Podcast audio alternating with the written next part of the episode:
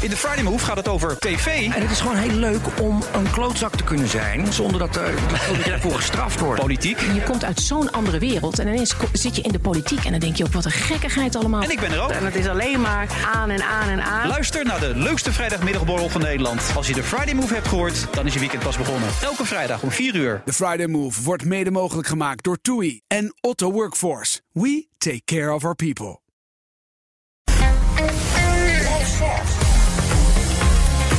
BNR Nieuwsradio. BNR breekt. Ivan Verrips. Goedemorgen en welkom. Vanaf half twaalf praat ik over het nieuws van de dag. Over eh, spaargeld. Het kabinet verschuilt zich achter bureaucratische regeltjes... om meer dan een miljoen spaarders niet hoeven compenseren... voor te veel betaalde belasting. Kan dat zomaar en is dat erg? En de SGP doet een oproep om ook in Nederland weer tanks aan te gaan schaffen. Nee, niet om aan Oekraïne te geven... maar voor onze eigen paraatheid in een veranderende geopolitieke wereldorde. Is dat een goed idee en moeten we wat meer aandacht hebben voor defensie? Gaan we allemaal dit eh, komend uur bespreken. Met mijn twee panelleden. Vandaag Lotte Lobé, oprichter van Top Sales Amsterdam... docent sales aan de Hogeschool Rotterdam. Goedemorgen. Goedemorgen. Fijn dat je er bent. En Kalle Duvekot, voorzitter van de Jonge Democraten. Goedemorgen. Goedemorgen. Fijn dat je er bent. We gaan beginnen met... BNR breekt. Breekijzer. Heeft allemaal te maken met het openbaar vervoer. Het is Mobility Day vandaag op BNR. En ehm, daarom hebben wij aandacht voor eh, in ons geval OV. Want in Duitsland kunnen reizigers binnenkort... die eh, gebruik maken van het OV... spotgoedkoop door het land heen en weer... met bijvoorbeeld de bus, de tram, de metro... en de regionale trein voor 50 euro per maand.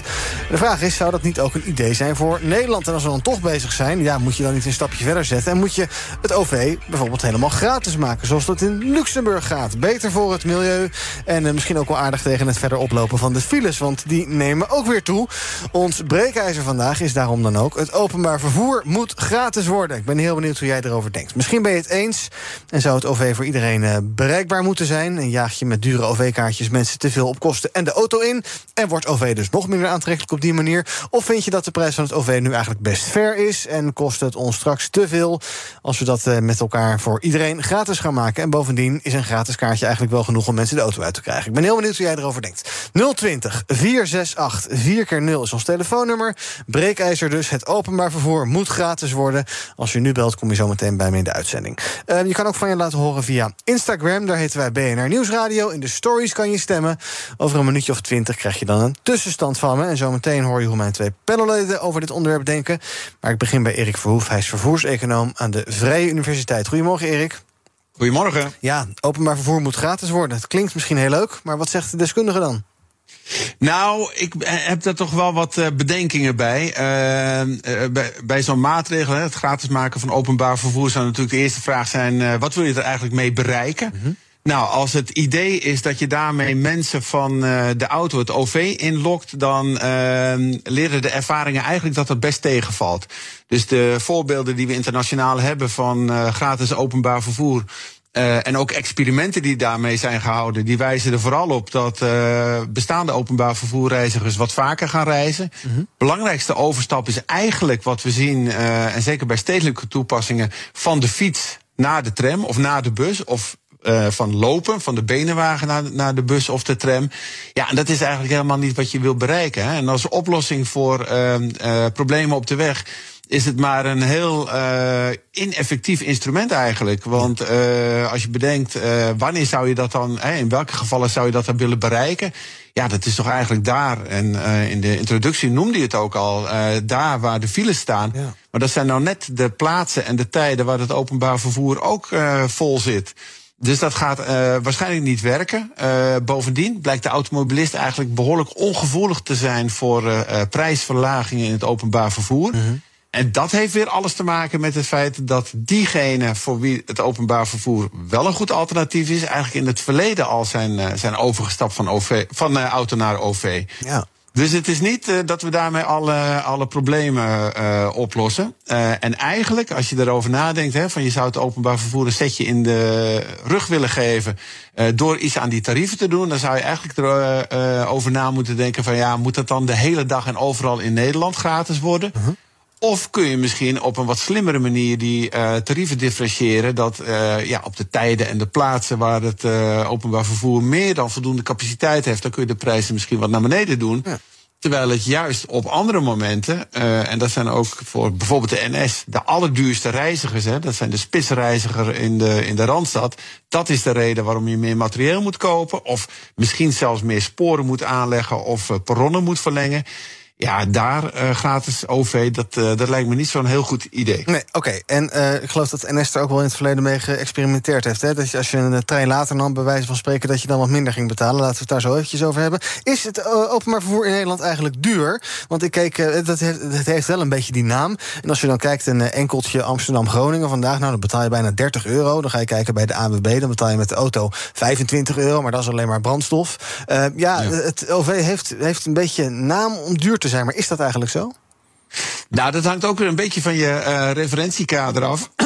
In uh, uh, financiële kringen wordt dan gekeken naar wat de kostendekkingsgraad wordt genoemd. Dus welk gedeelte van de kosten van het aanbieden van het openbaar vervoer wordt nou uiteindelijk eigenlijk door de reiziger zelf opgebracht. Mm -hmm. En dat verschilt natuurlijk hè, over uh, waar je dan kijkt in Nederland. En ook weer op welk tijdstip van de dag je kijkt. Maar grosso modo, wat je daar in gedachten kan nemen, is dat ongeveer rond de helft van de kosten door de reiziger wordt uh, uh, opgebracht. Okay. En de rest wordt daarmee door andere mensen opgebracht. dus dat zijn de mensen die belasting betalen. Ja. Um, eigenlijk moeten we een beetje wennen, misschien ook nog wel aan het idee dat mobiliteit nou eenmaal duur is. Het, uh, het kost geld om dat, uh, om dat aan te bieden. En ongebreidelde mo mobiliteit. Ja, ook als je naar de toekomst kijkt, hè, alle doelstellingen die we hebben rond verduurzaming. We zouden in 2050 klimaatneutraal zijn. Ja, daarbij past eigenlijk niet meer dat je uh, uh, ook mobiliteit, dat je dat heel goedkoop aanbiedt. Mm. En die energieprijzen, ook, voor, uh, ook als het elektrisch is.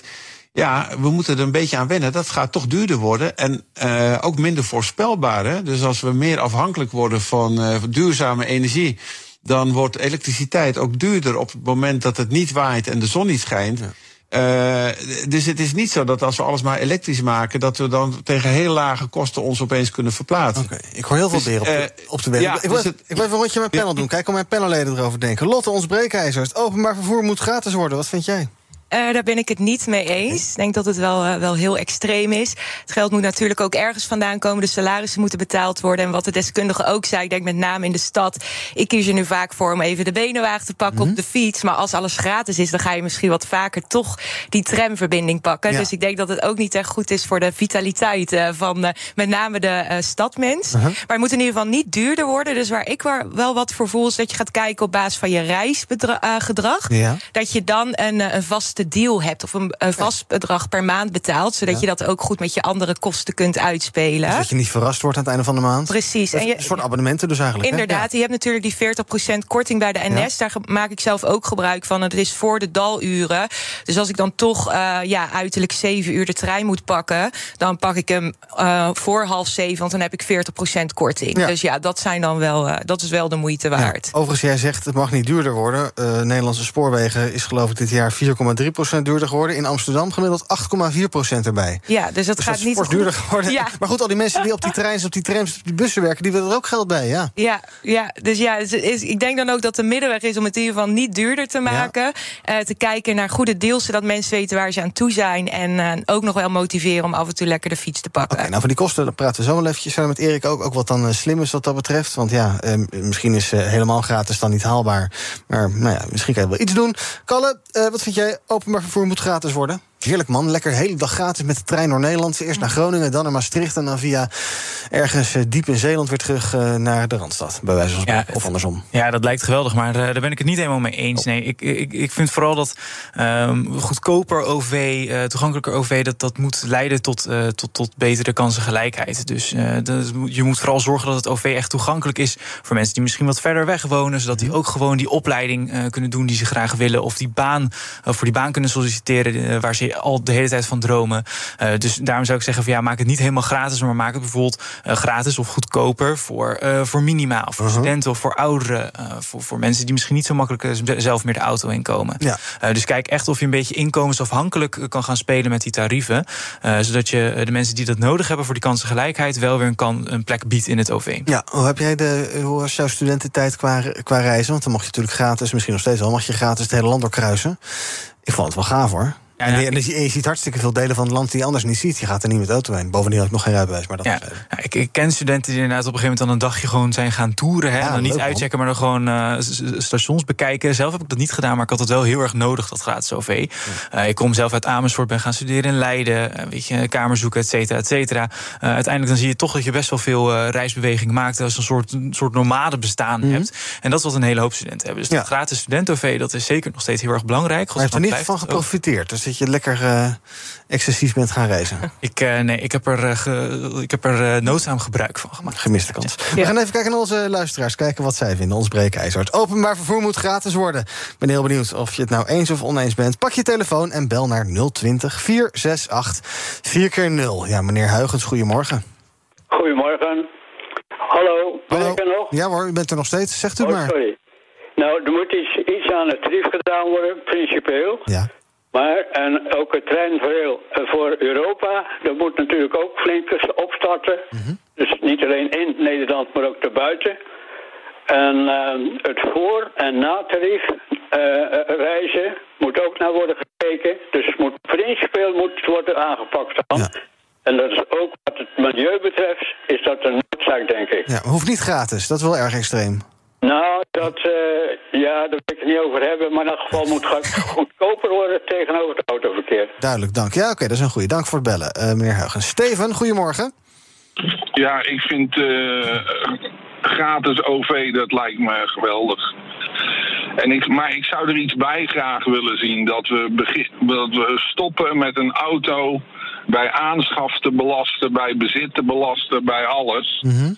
Zodat, uh, kijk, uh, ik heb een auto. Ik, er is geen haar op mijn hoofd die eraan verdenkt om in een bus te gaan zitten terwijl ik mijn auto al betaald heb. Ja. Dus? dus uh, en ik hoop dat er meer mensen zo over denken dat als ze ergens naartoe kunnen, bijvoorbeeld naar Groningen met, uh, met de trein gratis, waarom ze dan nog, zouden ze dan nog met hun auto gaan? Ja, dus nu, want nu word je eigenlijk gestraft voor het bezit van die auto, terwijl je zou zeggen, uh, ja, belast het gebruik van die auto. Dus eigenlijk ben je voor reken, rekening rijden en dergelijke. Ja, be, be, be, dus, dus, dus al die BPM en al die dingen. Uh, dat, dat moet eigenlijk gewoon allemaal weg. Ja, en als je auto stilstaat betaal je niks. Duidelijk, dank voor het bellen. Je... BNR breekt. Ivan Verrips.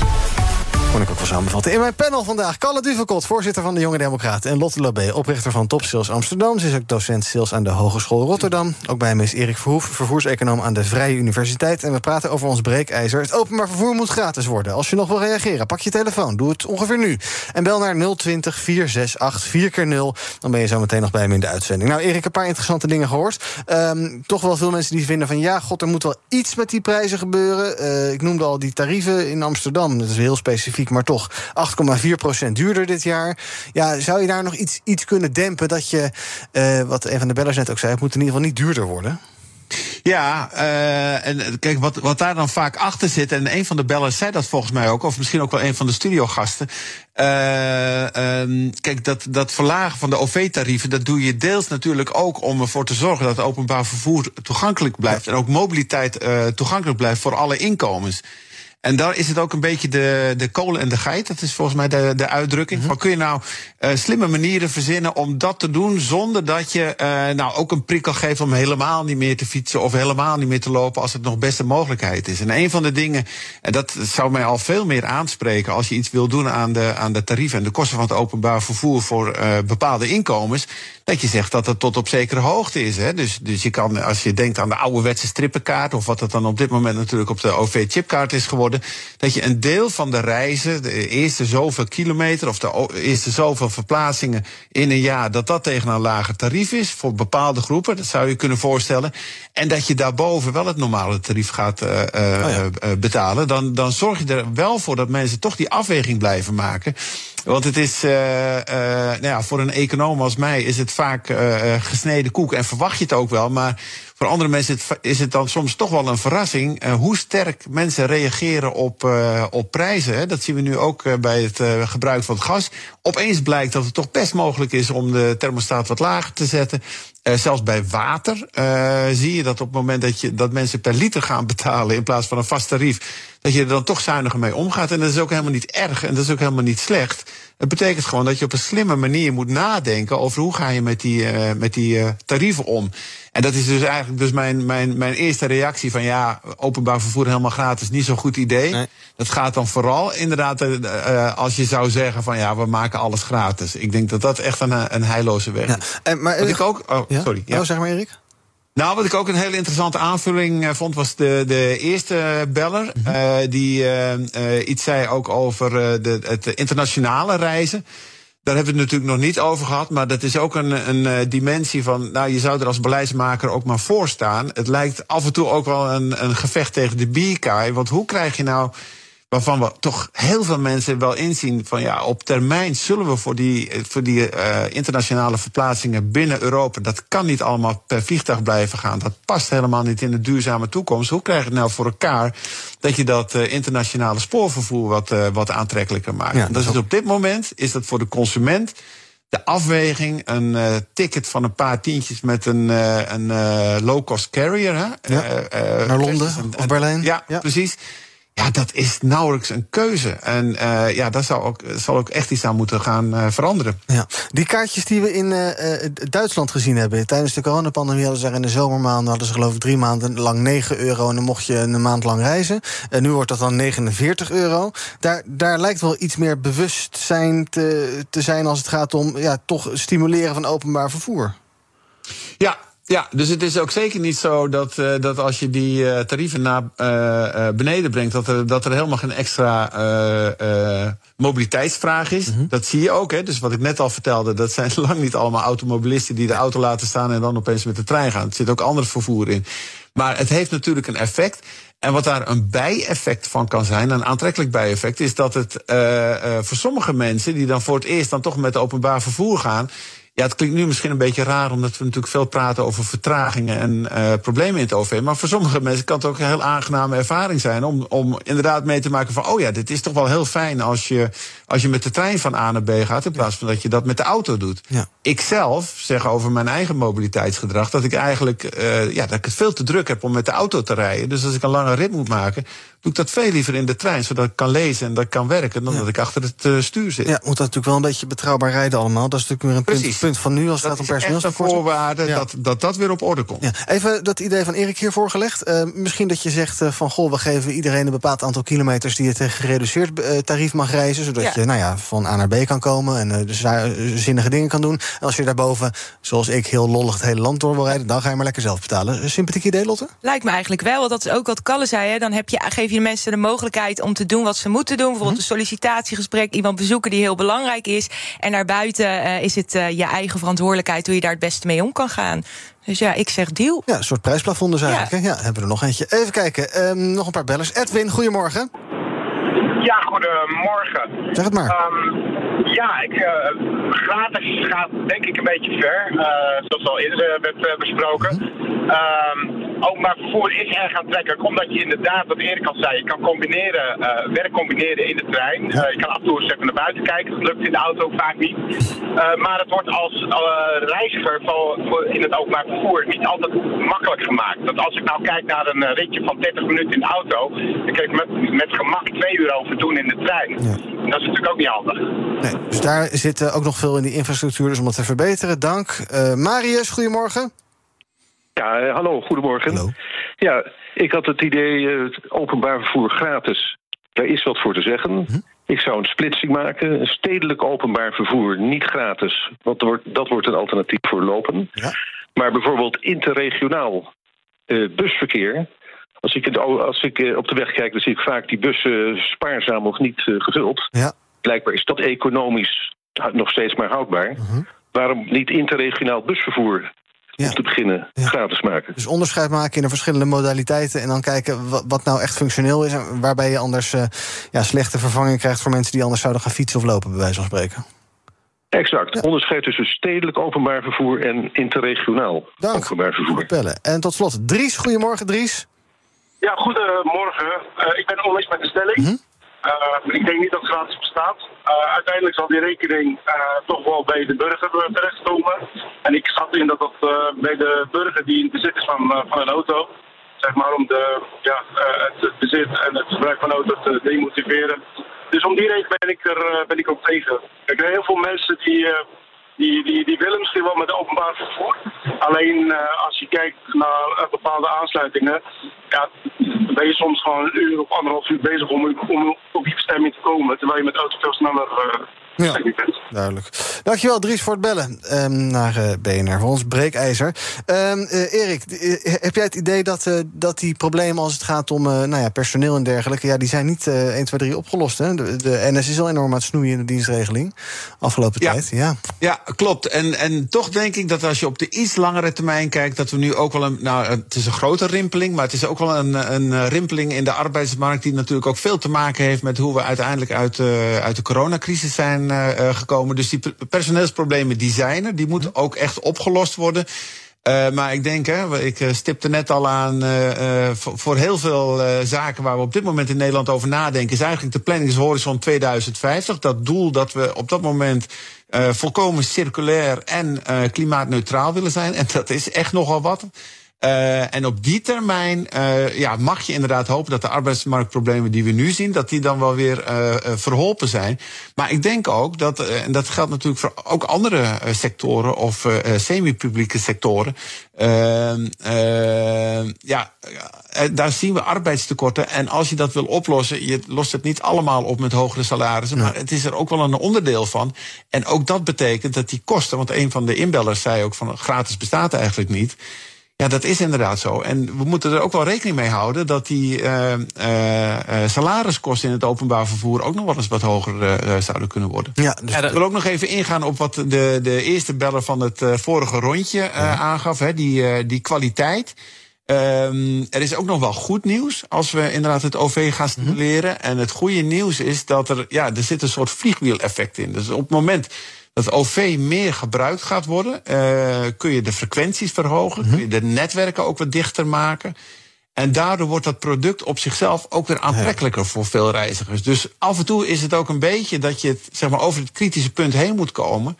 Eh, en dat dan uiteindelijk het ook makkelijker wordt om grotere groepen reizigers in het OV te krijgen. En eh, je kan dat bijvoorbeeld ook zien door in gedachten even Parijs eh, te, vergelijken, te vergelijken met een Amerikaanse stad als eh, Houston. In Houston is eigenlijk nauwelijks openbaar vervoer. Iedereen pakt de auto.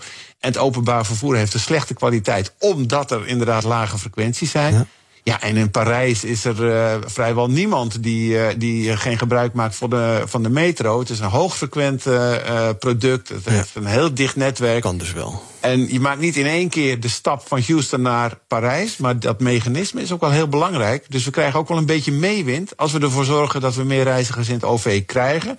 Dan wordt het ook weer makkelijker en, eh, om het verder te laten groeien. En om het aantrekkelijker te maken voor andere reizigers. Erik Verhoef, vervoerseconoom van de VU. Dankjewel dat je bij ons was voor ons breekijzer. Het openbaar vervoer moet gratis worden. Zometeen ga ik verder praten over het nieuws van de dag met mijn twee panelleden. Praten we onder andere over eh, ja, vermogensheffing. Daar is eh, door sommige mensen te veel betaald. Eh, krijgen die dat nou terug of niet? En wat moeten ze daarvoor doen? Hoor je zo meteen met eh, Lotte en Kalle in het tweede half uur van BNR Breek. Tot zo. Duik mee in de wereld van ESG. Dit seizoen verkennen we hoe bedrijven hun strategieën rond duurzaamheid vormgeven. Ontdek de nieuwste innovaties in energietransitie en de impact van waterstof. Wie zijn de ware koplopers in duurzaamheid? Ik ben Donatello Piras, presentator en samen met Roetoei brengen we koplopers in ESG. Elke maandag om twee uur te horen op BNR Nieuwsradio. Dit programma wordt mede mogelijk gemaakt door Missie H2. Samen maken we Nederland het waterstofland in 2030. Wist je dat managers evenveel invloed hebben op het mentaal welzijn van werknemers als hun partners? Toch voelt een derde van de managers zich niet in staat om hun team goed te ondersteunen bij mentale uitdagingen. Via het Open Up platform geef je jouw managers de tools die ze nodig hebben om dit wel te doen. Zo zijn jouw teams beter bestand tegen de uitdagingen van het dagelijks leven, thuis en op het werk. Benieuwd wat we voor jouw managers kunnen betekenen? Ga naar openup.nl/slash bedrijven. Let's open up!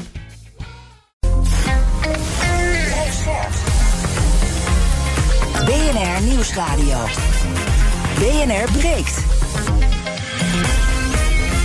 Ivan Verrips. Welkom terug in mijn panel vandaag. Lotte Lobé, oprichter van Top Sales Amsterdam... en ook docent sales aan de Hogeschool Rotterdam. En Kalle Duvekot, voorzitter van de Jonge Democraten. En wij gaan praten over het nieuws van de dag. Te beginnen met uh, het volgende verhaal. Meer dan een miljoen spaarders hebben jarenlang te veel belasting betaald. Maar dat geld krijgen ze niet zomaar terug...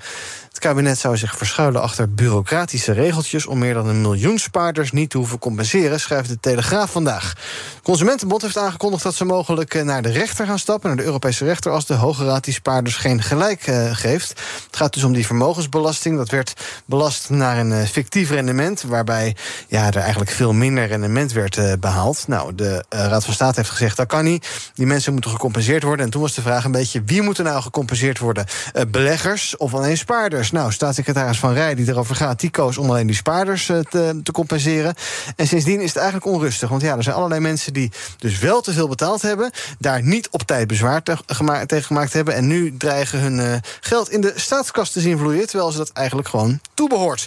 En daarom ben ik benieuwd, Lotte, wat vind jij? Moet je nou, ja, als al die mensen allemaal te veel betaald hebben, ja. moet je die allemaal netjes hun geld gaan terugbetalen? Geld dat al lang uitgegeven is aan van alles en nog wat. Of is het ook een beetje helaas pindakaas voor die spaarders? Nou, het is heel simpel. Als je, ja, als je een fout hebt gemaakt, dan moet je dat recht trekken. En als het geld niet van jou is, dan moet je het teruggeven. Uh, dus ik vind dat bezwaar maken, ja of nee, dat is een administratief dingetje. Maar dat neemt niet de verantwoordelijkheid weg dat je gewoon het, uh, het goed moet maken. En daarnaast uh, is de Belastingdienst dan ook wel weer, als ze van jou iets niet genoeg hebben geïnd, mm -hmm. dat ze daar jaren later zich ook niet bezwaard ja. voelen om nog een keer op terug te komen. Dus het werkt vanuit twee kanten. Ja, dus jij zegt gewoon de volle map terugbetalen aan ja. iedereen die te veel betaald heeft. Dat dat uh, pakket totaal 7 miljard kost, dat is uh, ja, jammer maar helaas dan toch geld zat. Ja, nou ja, ze hebben het uh, geïnd en het was niet van hen. Dus dan ja. is er eigenlijk maar één oplossing. En misschien kun je wel een betaalregeling doen dat het over een aantal jaren wordt terugbetaald. Uh, zodat het niet te shocking is, maar gewoon terugbetalen. Ja, ik denk niet dat de overheid een betaalregeling nee. nodig heeft. Nee, nee dat, dat denk ik ook nee. niet. Gewoon de portemonnee opentrekken. Ja. Ja. Jij, Kalle, iedereen terugbetalen? Of mag je daar wel iets meer in specificeren? Nou, ik, ik, heb, ik heb niet heel veel medelijden met mensen die genoeg vermogen hebben om inderdaad daar heel veel belasting over te betalen. Maar ja, als iets uh, gewoon uh, te, te veel betaald is, dan is het netjes dat je dat terugbetaalt. Uh, aan de andere kant zijn we volgens mij naar de rechter geweest die heeft gezegd van ja, mensen die daar bezwaar tegen hebben aangetekend, die hebben recht om het terug te krijgen en anderen niet. nou, de, daar volg je dan een rechter in. Of je gaat naar een hogere rechter en dat doen ze nu. Dus ik, ik zou zeggen, lekker afwachten wat het Europees Hof erover zegt. Ja, ook omdat er al, ik geloof, 160.000 klachten bij de Belastingdienst zijn binnengekomen van mensen die zeggen: Ik wil ook wel mijn geld terug eigenlijk. Uh, ja, we kennen de Belastingdienst en de uitvoering. Dat is nou niet echt een heel uh, uh, geweldig verhaal op dit moment. Dus ook ook als je het praktisch bekijkt, dat je, dat je misschien moet zeggen: joh, dat gaan we helemaal anders doen. Want het heeft geen zin om al die 160.000 gevallen los van elkaar te gaan behandelen, toch? Ja, inderdaad. En ook aan de voorkant, want er was dan een uh, fictieve berekening gemaakt of een mm -hmm. scenario. Ja. ja. als je zoveel verschillende scenario's hebt, dat is eigenlijk ook uh, vragen om problemen.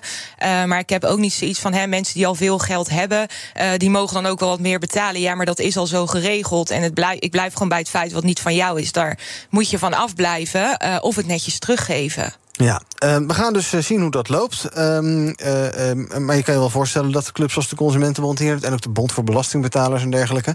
waar we misschien allemaal automatisch lid van zijn, zou leuk zijn... dat, dat, dat die hier natuurlijk vol in het geweer tegenkomen. Ja, natuurlijk. Want het, het, het, is uiteindelijk inderdaad een administratieve fout. En nog even aanhaken op wat je zegt van, van ja, mensen die meer hebben, die mogen ook meer betalen. Dat is al zo geregeld. Dat, dat mag van mij nog wel een tandje meer. Uh, we mogen echt wel als land wat meer gaan inzetten op het belasten van vermogen in plaats van het belasten van inkomen. Ja. Uh, zodat we daar gewoon de boel een beetje weer wat meer nivelleren. Ja. En inderdaad zorgen dat uh, mensen die wat meer hebben ook al meer bijdragen. Ja, nou, dat kan dus ook op de manier doordat je gewoon veel te veel belasting hebt. Maar dat lost het vanzelf. Niet helemaal de bedoeling, denk ik. Okay. Je kan ook altijd nog vrijwillig belasting betalen. Ja, hoe werkt dat? Ik weet niet hoe dat precies werkt, maar volgens mij kan je altijd vrijwillig meer belasting uh, betalen. Dan kan je gewoon geld overmaken naar het ministerie van Financiën en dan uh, op hun IBAN-nummer en dan uh, ja, erbij. Ja, ja, rekening ten behoeve van. Uh, ja, attentie van mevrouw Kaag, extra belasting. Afdracht. Nou, ik ben heel benieuwd hoe het. ander verhaal komt van de SGP deze ochtend. Die partij wil dat ons land een eigen tankbataljon krijgt. Weer. Het moet uh, volgens de partij nu echt eens afgelopen zijn met het bezuinigen op defensie, vindt Kamerlid Chris Stoffer. De SGP roept al jaren dat Nederland zich aan die 2%-norm van de NAVO moet houden. Nou, dat lijkt nu te gaan gebeuren. Wil nu ook dat die 2%-norm in de wet wordt verankerd. Vorige week zei Marten Kruijf, voormalig commandant der landstrijdkrachten, nog het volgende over het belang van de tanks voor de oorlog in Oekraïne. Nou ja, laat ik het anders zeggen. Als je ze niet levert, kunnen ze wel eens een gamechanger zijn. Want het initiatief in de oorlog lag duidelijk bij, bij Oekraïne, hè? duidelijk. Eh, vanaf eh, juli moest het Russisch leger reageren op wat Oekraïne deed. Maar de Russen hebben nu een aantal maanden relatieve pauze gehad. Die hebben kunnen reorganiseren, tanks uit depot halen. Oekraïne heeft tanks moeilijk kunnen aanvullen omdat ze die niet meer in depot hebben. Dus er is nu een soort ongelijkheid ontstaan. Nou, daarvoor hebben we die tanks nodig. Dus het zou wel eens een gamechanger kunnen zijn, maar dan andersom, als je ze niet levert. Ja, dat is de oorlog daar. Eh, dan is de vraag een beetje, moeten wij die tanks ook weer willen aanschaffen in ons land? Wij hebben als Nederland zijnde geen tanks in eigendom. We leasen er wel 18. Dat doen we samen met Duitsland, geloof ik, of van Duitsland. En uh, Christoffer zegt, ja, sinds de Koude Oorlog hebben we eigenlijk alleen maar bezuinigd op het defensie. We zijn dat nu zien dat de laatste jaren weer een beetje draaien. Uh, maar dan moet ook gewoon materieel bij komen. En dus maar weer eigen tanks in ons land. Ben je daarvoor, Lotte? Ja, zeker. Dus de, ja, de situatie in de wereld is veranderd. En dus ook het, uh, het materiaal wat Defensie nodig heeft. En uh, volgens mij staat ook in de grondwet uh, dat je jezelf en je bondgenoten moet kunnen verdedigen. dus die tanks die zijn zeker nodig. Ja, ja, Want we hebben ons een beetje in slaap laten sukkelen de afgelopen jaren. Met relatieve vrede in de buurt. En dat je dacht, bouw maar af die toko. Dat geld kunnen we lekker gebruiken voor andere dingen. Ja, inderdaad. En ik denk ook van oorlog is niet altijd geheel voorspelbaar. Of crisis in de wereld. Dus je hebt toch iets van een basis nodig om jezelf en je bondgenoten te kunnen verdedigen. Dus ik denk dat er iets te veel is uh, bezuinigd. Dus dat we daarin wel wat meer mogen gaan uh, opbouwen. Ja, moeten er natuurlijk wel mensen zijn die die tanks allemaal kunnen bemannen en bevrouwen. Dat ja. zometeen. Uh, eerst eventjes Kalle. Goed idee om uh, nou, zelf weer tanks aan te gaan schaffen. Hij heeft ook een kostenplaatje gemaakt. Kost ergens tussen de 300 en 450 miljoen. Nou, viel mij mee als je 30 tanks wil kopen. Ja, volgens mij kost een F-35 vele malen meer. Ja, en maar, heb je er één. Ehm, nee, kijk, ik ben geen defensie-specialist. dus ik zou niet meteen kunnen zien wat onze krijgsmachten nodig hebben. maar het is in ieder geval heel goed dat we eens gaan nadenken over hoe we uh, stabiel die 2%-norm kunnen gaan halen. Zodat mm -hmm. we echt gewoon ook op de, op de lange termijn gewoon goed kunnen blijven investeren in uh, onze defensie. Ja. Uh, wat je nu ziet, is dat we dan net die 2% dan weer gaan aantikken. Omdat we dan weer een grote aanschaf hebben gedaan. En daarna zakken we er weer onder, et cetera, et cetera. dus het is goed om dat gewoon wat stand, meer standaard te gaan doen.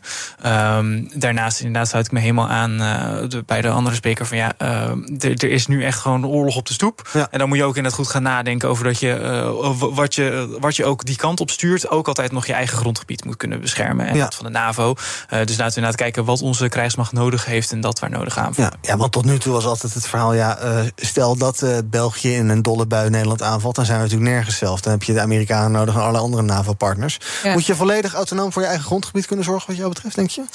Um, deels, je hebt natuurlijk niet voor niks uh, bondgenoten. Maar ik denk ook dat uh, veil het ook een vorm van veiligheid geeft. En zonder uh, veiligheid geen vrijheid. Mm -hmm. Dus volledig afhankelijk zijn, dat lijkt me sowieso een slecht scenario. Want je moet jezelf ten alle tijden kunnen verdedigen.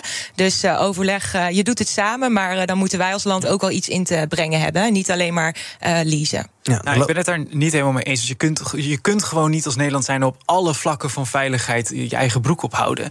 Uh, we vallen ook al tientallen jaren onder de nuclear umbrella van de Verenigde Staten. Ja. Om veilig te blijven tegen de nucleaire dreiging van Rusland. En zo zijn er veel meer uh, de samenwerkingsverbanden die ons echt ten goede komen. Dus ik zou het eerder gaan, gaan zoeken op, op, op Europees niveau. Om als Europa zijnde uh, onszelf veilig te kunnen houden dan alleen als Nederland. Want bijvoorbeeld ja. ons luchtruim is al te, te, klein om efficiënt met een, met, met een F-16 te kunnen patrouilleren. Dus doen we dat samen met België en Luxemburg. Ja, ja maar dat is ook wat ik zeg, hè, het samenwerken. Maar samenwerken betekent ook dat je ook zelf iets in te brengen uh, moet hebben. Oh, Oké, okay. ja, ja, ja, ja, dat, dat zeker. Ja. Nee, Ik dacht dat je bedoelde dat we op alle vlakken in ieder geval iets van een basis voor onszelf moesten hebben. Ja, wel een, ba wel een basis, maar ik bedoel voor de grootschalige crisis uh, daarin zeker samenwerken. Ja, ja, Ik denk dat jullie er samen wel komen. Ik denk uh, wel. Maar jij pleit dus niet voor meer, meer nucleaire wapens in Nederland? Dat is, uh, dat is een heel erg andere vraag. ja, of je nucleaire wapens je moeten, nucleaire. Uh, nucleaire paraplu. Toen dacht ik van nou, misschien wil je wel meer nucleaire in Nederland. Leek mij een leuke kloot. Maar in een, in een ideale wereld. Gaat niet gebeuren. Nou, kijk, in een ideale wereld zorg je natuurlijk gewoon voor, uh, voor, voor minder nucleaire wapens. Mm -hmm. Omdat het uiteindelijk gewoon een soort Armageddon kan veroorzaken. Aan de andere kant zorgt de, de, mutual assured destruction, hè, het, hele, het afschrikkingsvermogen van atoomwapens, wel voor een hele hoop vrede op een gekke manier. Hm. Um, dus het, het, het is goed dat we samenwerken met de Amerikanen en de Britten en, en de Fransen die ze wel hebben. Uh, zelf zie ik er geen hel in om heel veel geld erin te gaan steken om als Nederland een atoomprogramma uh, op te zetten. Ja. Nu we het even over die oorlog in Oekraïne hebben. Uh, Zelensky die heeft nou eindelijk zijn Duitse en zijn Amerikaanse tanks. Althans, die komen er binnenkort aan. En het verlanglijstje wordt ja, uitgebreid. We hebben wel lange afstandsraketten. Hij wil F-16's van westerse landen. Um, is dat iets wat jou zorgen baart? Hoe ver moet je daarin en kan je daarheen gaan, Lotte? Ja, zeker. ja, waar stopt het? Ja. Dat is de vraag. Vraag. Ja, daar kan ik helaas geen antwoord op geven. Maar het is wel, het loopt maar op en het loopt maar op en het loopt maar op. Is in die zin. En wat eh, eerst onbespreekbaar, onbespreekbaar lijkt, is een paar maanden later toch, mogelijk? Ja, ja, dus dan zie je eigenlijk ook hoe snel een situatie kan escaleren. Mhm. En dat, eh, ja, dat geeft wel een, eh, een rot gevoel, een onveilig gevoel. Ja. Ja. Aan de andere kant, als je deskundigen spreekt, die zeggen: ja, je kan ook niet niks doen, want dan geef je Rusland vrij spel. Dus je, Ja. je moet wel, je wordt, we worden gedwongen om mee te gaan met dit soort wensen van Ja, Zelensky. je, je zit klem eigenlijk, hè? Want ook als je niet normaal met elkaar in gesprek kunt gaan, dan kom je moment in een situatie dat hard tegen hard wordt. En hoe hard gaat dat dan uiteindelijk worden? Ja. Hebben we een Ja, keuze, Kalle? Nou, het, het, het is heel lastig, want inderdaad, zoals, eh, zoals al werd gezegd, als je ze niet levert, dan wordt het echt een gamechanger. Want dan, dan walst Rusland er op een gegeven moment gewoon overheen. Mhm. Maar ja, eh, dan, nu hebben we dan, gaan we dan tanks leveren. De volgende stap zou gevechtsvliegtuigen zijn. Eh, wat is het volgende? Ja, dan kom je toch al snel bij de vraag. eh, waarschijnlijk dat Zelensky dan gaat vragen om grondtroepen. Ja. Om dat schaalvoordeel van Rusland niet te doen. En dan is het echt de vraag: ga je NAVO-troepen Oekraïns grondgebied opsturen? Ja, dan heb je nog wel groter probleem dan je nu al hebt. Ja. ja. Oké. Duik mee in de wereld van ESG. Dit seizoen verkennen we hoe bedrijven hun strategieën rond duurzaamheid vormgeven. Ontdek de nieuwste innovaties in energietransitie en de impact van waterstof. Wie zijn de ware koplopers in duurzaamheid? Ik ben Donatello Piras, presentator en samen met Roet Oei brengen we koplopers in ESG. Elke maandag om 2 uur te horen op BNR Nieuwsradio. Dit programma wordt mede mogelijk gemaakt door Missie H2. Samen maken we Nederland het waterstofland in 2030. Wist je dat 35% van het totale verzuim op het werk komt door uitdagingen rondom mentaal welzijn? Met de psychologen en lifestyle-experts van OpenUp werken jouw werknemers online via één op één sessies, groepsgesprekken of cursussen aan hun weerbaarheid. Zo zijn jouw teams beter bestand tegen de uitdagingen van het dagelijks leven, thuis en op het werk. Verhoog net als Decathlon, KPN en HelloFresh de weerbaarheid van je werknemers. Ga naar openup.nl/slash bedrijven. Let's open up! Mobility Day. BNR breekt. Trouwens, over Mobility Day gesproken, dat, eh, die suggesties van vorig half uur... als het gaat om die eh, gratis OV, gaan we even doorgeven aan Viviane Heijnen... want die is vanmiddag bij de Daily Move te gast. Dus we maken even een lijstje daarvan met alles wat ook bellers input hebben gegeven. En dat sturen we dan even naar de op. Kan zij er ook mee aan de slag of het in een la leggen. Dat mag ook. We gaan kijken naar wat mijn twee panelleden is opgevallen in het nieuws. En Kalle, jij wilde het hebben over een fascinerend stuk in de Volkskrant in dit geval. Ik lees alleen de kop even op. Een mindfulness-goeroe die op tv de jeugd van toetsstress afhelpt. Het moet niet gekker worden. Waar gaat dit over? Ja, dat gaat eigenlijk over een docent die inderdaad eh, d- vertelt over hoe haar klas op de basisschool een, een filmpje moet kijken over mindfulness om, om van alle toetsstress eh, af te komen. En daarmee concludeert ze eigenlijk van ja, dat, dat is totaal symptoombestrijding en het schiet totaal aan het echte probleem eh, voorbij. En dat echte probleem dat is prestatiedruk in het onderwijs. Dat is een, eh, hele, eh, een hele hoop toetsing, een hele hoop verkeerde toetsing, waardoor er eigenlijk al op hele vroege leeftijd echt een soort label op je geplakt wordt eh, van jij kan dit of jij kan dit niet. Eh, en, en dat zou heel erg zorgen voor heel veel stress eh, bij, bij, bij ouders, bij eh, leerlingen zelf voornamelijk. hè, de, de hoofdpijn, misselijkheid, et cetera. Ehm, en een enorme eh, industrie erachter, namelijk de bijlesindustrie. Die zorgt voor enorm veel kansenongelijkheid in ons onderwijs. En eh, dat viel mij op, omdat ondertussen er wel gewerkt wordt door het ministerie van Onderwijs en door minister Dijkgraaf aan een voorstel om op een wat later moment in het onderwijs de loting weer terug te brengen. In plaats van de numerus fixus selectie aan de poort. En dat vinden wij gewoon als jonge democraten een heel goed idee. Omdat je daarmee echt dat, dat stukje kansengelijkheid terugbrengt. En voor middelbare scholen ook vooral eh, het, het, de incentive wegneemt om heel veel te gaan toetsen. En heel erg te gaan zitten op die, eh, op die prestatiedruk eh, voor hun leerlingen. Eh, dus dat is een, een goede eerste stap. Maar we zijn er nog niet.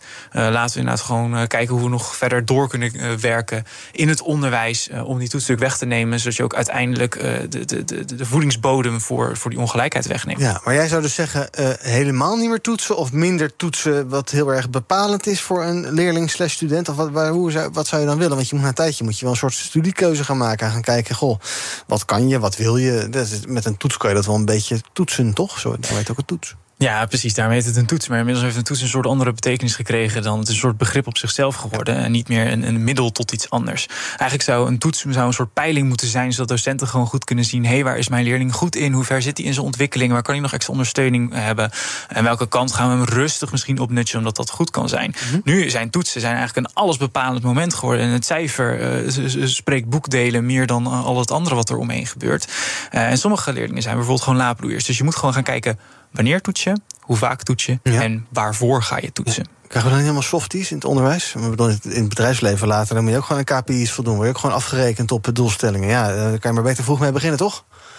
Nee, dat, dat, dat vind ik niet. Want, want dan zit je inmiddels uh, zit je in een, hopelijk in een beroep uh, waar je zelf voor gekozen hebt, mm -hmm. waar je heel veel energie uithaalt, et cetera, et cetera. En als je die ontwikkeling gewoon nog niet gehad hebt, dan kan zo'n te vroege toetsing of zo'n te vroege druk juist heel schadelijk zijn. en aan de andere kant, als je dan de term softies wil gebruiken, ik denk zeker niet dat het, dat het fijn is als allemaal leerlingen met misselijkheid en buikpijn thuis zitten, omdat er weer een toets aankomt en mindfulness video's nodig hebben. Die bewezen helemaal niet helpen. Lotte, word jij wel eens s s'nachts zwetend wakker dat je terugdenkt aan je centraal examen? Ik zelf wel. Nou, wel hoor. Want uh, wat ik me nog wel kan herinneren, is dat je hersenen zijn natuurlijk nog niet helemaal uh, ontwikkeld. En uh, ik ben niet een enorm goede hoofdrekenaar. En dan dacht ik, dan ga ik daar straks op, op stuk. En ik kan me ook nog herinneren dat ik toen het advies had gekregen, MAVO, MAVO. En ik heb uiteindelijk heb ik een master gedaan -hmm. in een richting wat mij helemaal ligt. En gelukkig heb ik de kans gekregen om op een middelbare school te starten, waarin je eigenlijk iedereen begon gelijk en op basis van het aantal punten ging naar MAVO, HAVO, VWO. Ja. Maar ik weet nog wel dat ik dat toen echt een, uh, uh, een heel rot moment vond. Omdat ik zoiets had van.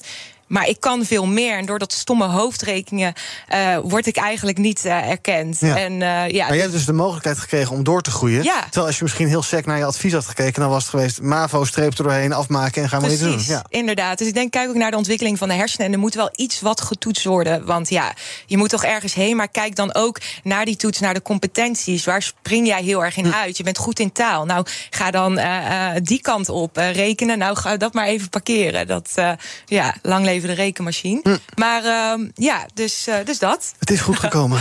ja, gelukkig, ja, nu sta ik hier. Ja. ja. Goed. En die, uh, die mindfulness filmpjes helpen dus geen uh, kont? Nee, dat stond ook in het column oh. dat het gewoon uh, wetenschappelijk bewezen is dat dat gewoon eigenlijk helemaal niet helpt. Nou, dat verklaart ook waarom ik Oh. nog steeds niet ontspannen ben. Dank je. Kijk wat er trending is op de socials. We zien onder andere terug uh, hashtag vlindermaand. Altijd interessant. En ook hashtag nachtwerk, want dat blijkt... nachtwerk is uh, ongezond, maar maakt soms wel gelukkig. Althans, dat schrijft Trouw.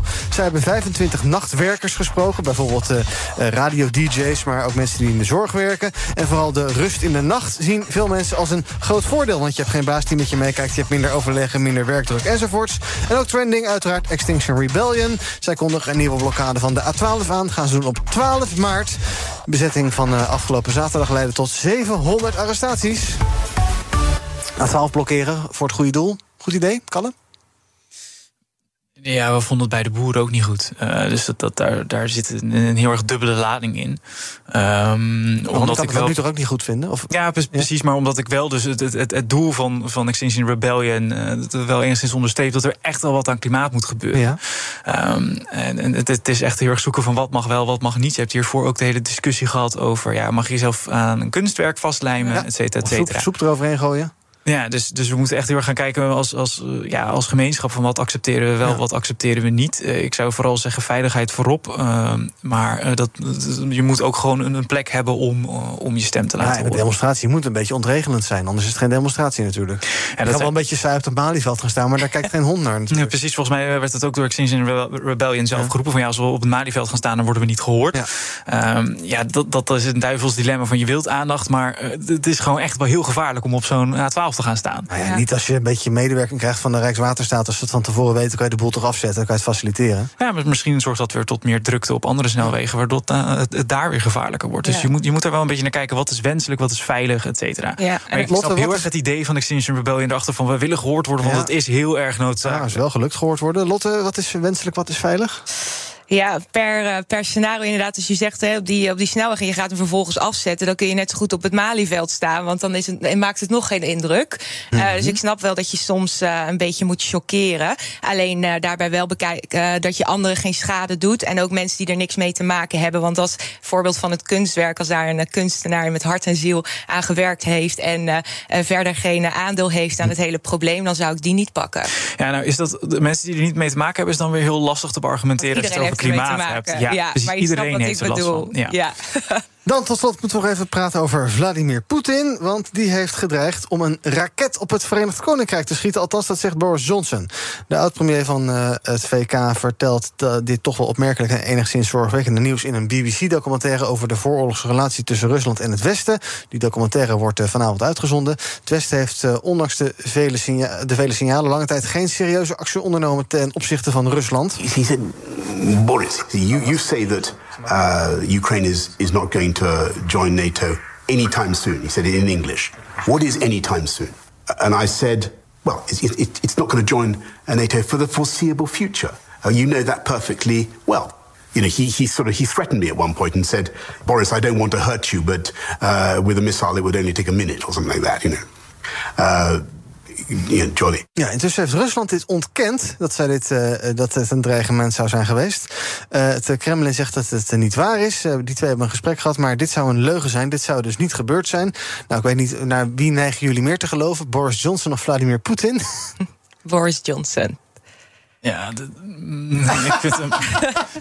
ik, Ja, ik vind hem, ik vind hem iets moeilijker. Ja. Nee, ik, ja, we waren er niet bij. Precies, we waren er niet bij. Dus ik zou het echt mijn god niet, uh, niet, Nee. niet gaan zeggen. Ik ga er geen, uh, geen wereldleiders uit zou maken voor leugenaars of zo. Uh-huh. Maar het is, uh, kijk, aan de ene kant weten we van Boris Johnson dat hij sommige dingen wat sterk kan verwoorden. Ja. Um, aan de andere kant weten we ook dat Vladimir Poetin er niet van terugdeinst om met nucleaire wapens, raketten, et cetera, te gaan smijten in zijn retoriek. En ook mensen niet een beetje te intimideren als het kan. Hè. We kennen het verhaal allemaal van Angela Merkel die op bezoek kwam. Die houdt niet van honden. En toen waren ook zijn honden daar om haar een beetje te Ja, jennen. ja, dat zijn van die hele, hele venijnige eh, steekjes. Dus inderdaad. dit was een soort van grapje of zo. Ja, als Vladimir Poetin grapjes maakt met kernwapens, ik weet niet. Ik, Daar word ik ook een beetje bang een van, beetje, een beetje naar van Nee, eigenlijk. het is, ik, eh, ik, ik, ik weet niet wat daar eh, gebeurd is. Het, is. het is een sterk verhaal. En het, ja, het, het onderstreept weer dat je net gewoon goed moet, moet kijken van hoe ondersteunen we Oekraïne en hoe houden we ook ons eigen grondgebied eh, veilig. Hm, grapjes met nucleaire wapens, ik zou het niet doen. Bovendien, als die binnen een paar seconden in Londen is, hoe snel zijn hier dan?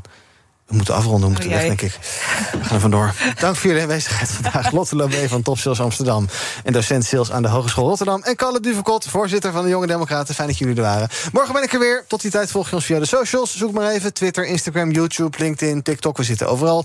Even op BNR zoeken, vind je ons daar. En zometeen is hier op deze zender Zaken doen met Thomas van Zel. Die praat met eh, de topman van Uber in Noord-Europa... in het kader van de BNR Mobility Day. Duik mee in de wereld van ESG. Dit seizoen verkennen we hoe bedrijven hun strategieën rond duurzaamheid vormgeven. Ontdek de nieuwste innovaties in energietransitie en de impact van waterstof. Wie zijn de ware koplopers in duurzaamheid? Ik ben Donatello Piras, presentator en samen met Roetoei brengen we koplopers in ESG.